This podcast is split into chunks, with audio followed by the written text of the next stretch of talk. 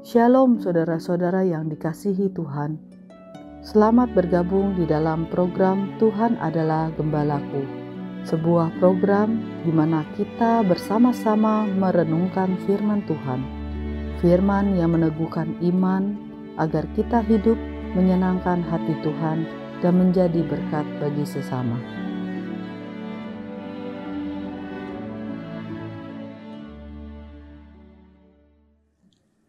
Shalom, saudara-saudara yang dikasih oleh Tuhan. Hidup kita bukan saja dipengaruhi oleh apa yang kita lakukan, tetapi apa yang kita lakukan sangat dipengaruhi bagaimanakah hati kita. Oleh sebab itu, jagalah hatimu supaya hidup kita boleh menyatakan kemuliaan Tuhan. Salam jumpa dalam program Tuhan adalah Gembalaku. Bagaimana hati kita kepada seseorang, begitulah sikap kita kepada orang tersebut. Pernahkah saudara mengalami betapa mudah memahami dan mengerti apa yang dilakukan seseorang atau apa yang dikatakan seseorang? Ketika kita menyukai orang itu, atau kita berkenan dengan orang itu. Tetapi kita menjadi begitu sulit memahami, bahkan kita salah mengerti selalu dengan perbuatan atau perkataan orang yang kita tidak suka dengan dia. Saudara tahukah di mana rahasianya? Yaitu hati kita. Bagaimana hati kita, begitulah cara kita mendengar orang lain. Bagaimana hati kita, begitulah logika yang dijalankan dalam pikiran kita. Inilah yang akan kita renungkan dari firman Tuhan yang terdapat di dalam Matius pasal 21 ayat 23 sampai 27. Lalu Yesus masuk ke bait Allah, dan ketika ia mengajar di situ, datanglah imam-imam kepala serta tua-tua bangsa Yahudi kepadanya dan bertanya, Dengan kuasa manakah engkau melakukan hal-hal itu? Dan siapakah yang memberikan kuasa itu kepadamu? Jawab Yesus kepada mereka, Aku juga akan mengajukan satu pertanyaan kepadamu, dan jikalau kamu memberi jawaban kepadaku, aku akan mengatakan juga kepadamu dengan kuasa manakah aku melakukan hal-hal itu. Dari manakah baptisan Yohanes? Dari sorga atau dari manusia? Mereka memperbincangkannya di antara mereka dan berkata, Jikalau kita katakan dari sorga, ia akan berkata kepada kita, kalau begitu, mengapakah kamu tidak percaya kepadanya? Tetapi jikalau kita katakan dari manusia, kita takut kepada orang banyak. Sebab semua orang menganggap Yohanes ini nabi. Lalu mereka menjawab Yesus, kami tidak tahu. Dan Yesus pun berkata kepada mereka, jika demikian, aku juga tidak mengatakan kepadamu dengan kuasa manakah aku melakukan hal-hal itu.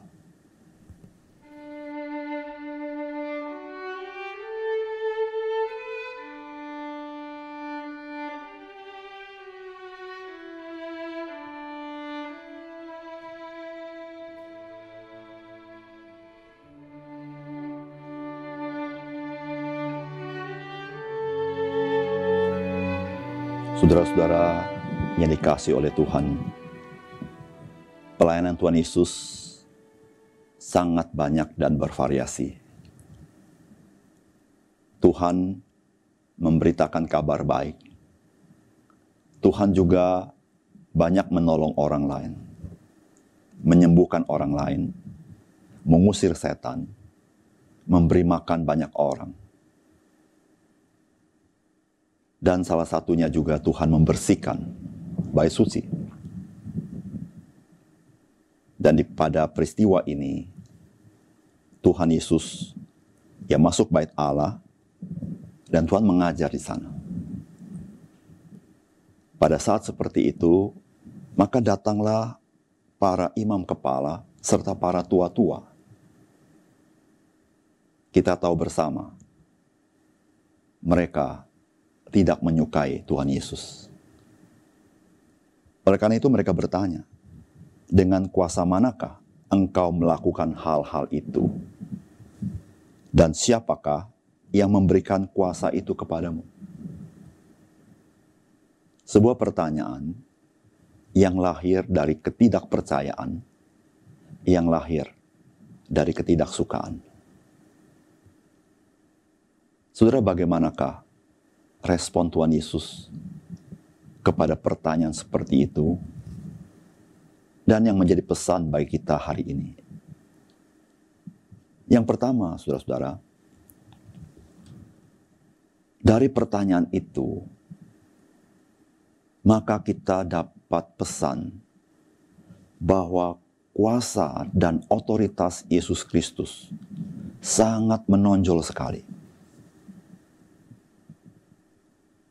Itu yang dikatakan oleh para imam kepala dan tua-tua orang Yahudi dengan kuasa manakah engkau melakukan hal-hal itu? Hal-hal itu artinya banyak sekali yang Tuhan lakukan dengan kuasanya. Saudara-saudara, sesungguhnya para imam kepala dan tua-tua sangat familiar dengan perjanjian lama. Ketika mereka melihat begitu banyak perbuatan-perbuatan dengan kuasa yang Yesus Kristus lakukan. Jikalau mereka percaya kepada kitab suci, mereka harus percaya bahwa Yesus adalah Mesias. Karena tidak seorang pun melakukan mujizat dengan kuasa yang begitu besar, dengan otoritas yang begitu tinggi, yang pernah dilakukan selain oleh Tuhan Yesus. Saudara yang kasih dalam Tuhan, ketika kita membaca kitab Injil, begitu banyak mujizat yang Tuhan lakukan dengan sepenuh kuasa Allah dan otoritas Allah. Yang dicatat dalam kitab Injil, tidak seluruhnya, hanya sebagian Saudara yang kasih dalam Tuhan. Injil Yesus Kristus mau memberitahukan kepada kita. Yesus itu adalah Kristus itu sendiri. Mesias yang dijanjikan dalam perjanjian lama. Supaya kita boleh mengalami kuasa keselamatan yang telah dia lakukan di atas kayu salib dengan mencurahkan darahnya bagi kita orang berdosa. Oleh karena itu, saudara-saudara, janganlah kita menjadi ragu, tapi kita diteguhkan oleh firman Tuhan dan oleh perbuatan-perbuatan Tuhan Yesus. Yang kedua, mari kita menjauhkan kemunafikan, karena kemunafikan menjauhkan kita dari kebenaran para imam kepala dan para tua-tua bertanya kepada Yesus, bukan karena mereka mau tahu jawaban yang benar. Pertanyaan mereka sesungguhnya sikap siap untuk menghakimi, siap untuk menolak. Jikalau Tuhan Yesus berkata, dengan kuasa Allah, maka mereka siap mengatakan Yesus, dia menghujat Allah.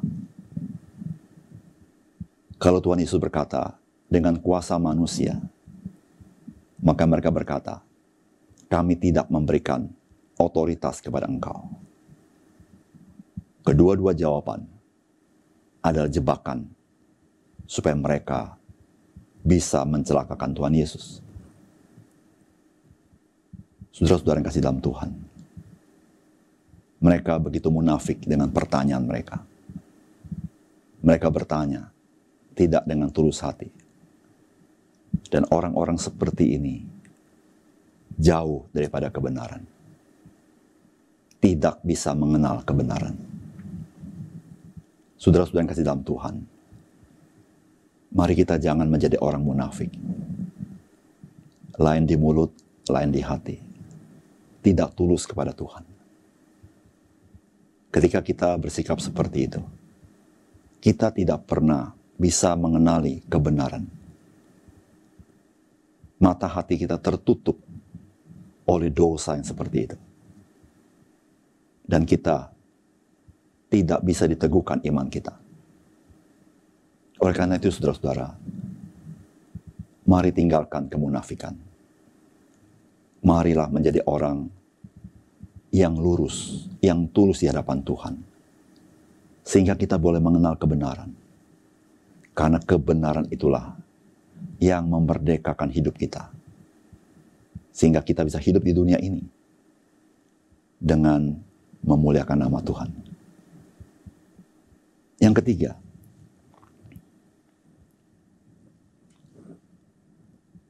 firman Tuhan hari ini mengajar kepada kita bahwa Tuhan tidak dapat dipermainkan oleh manusia.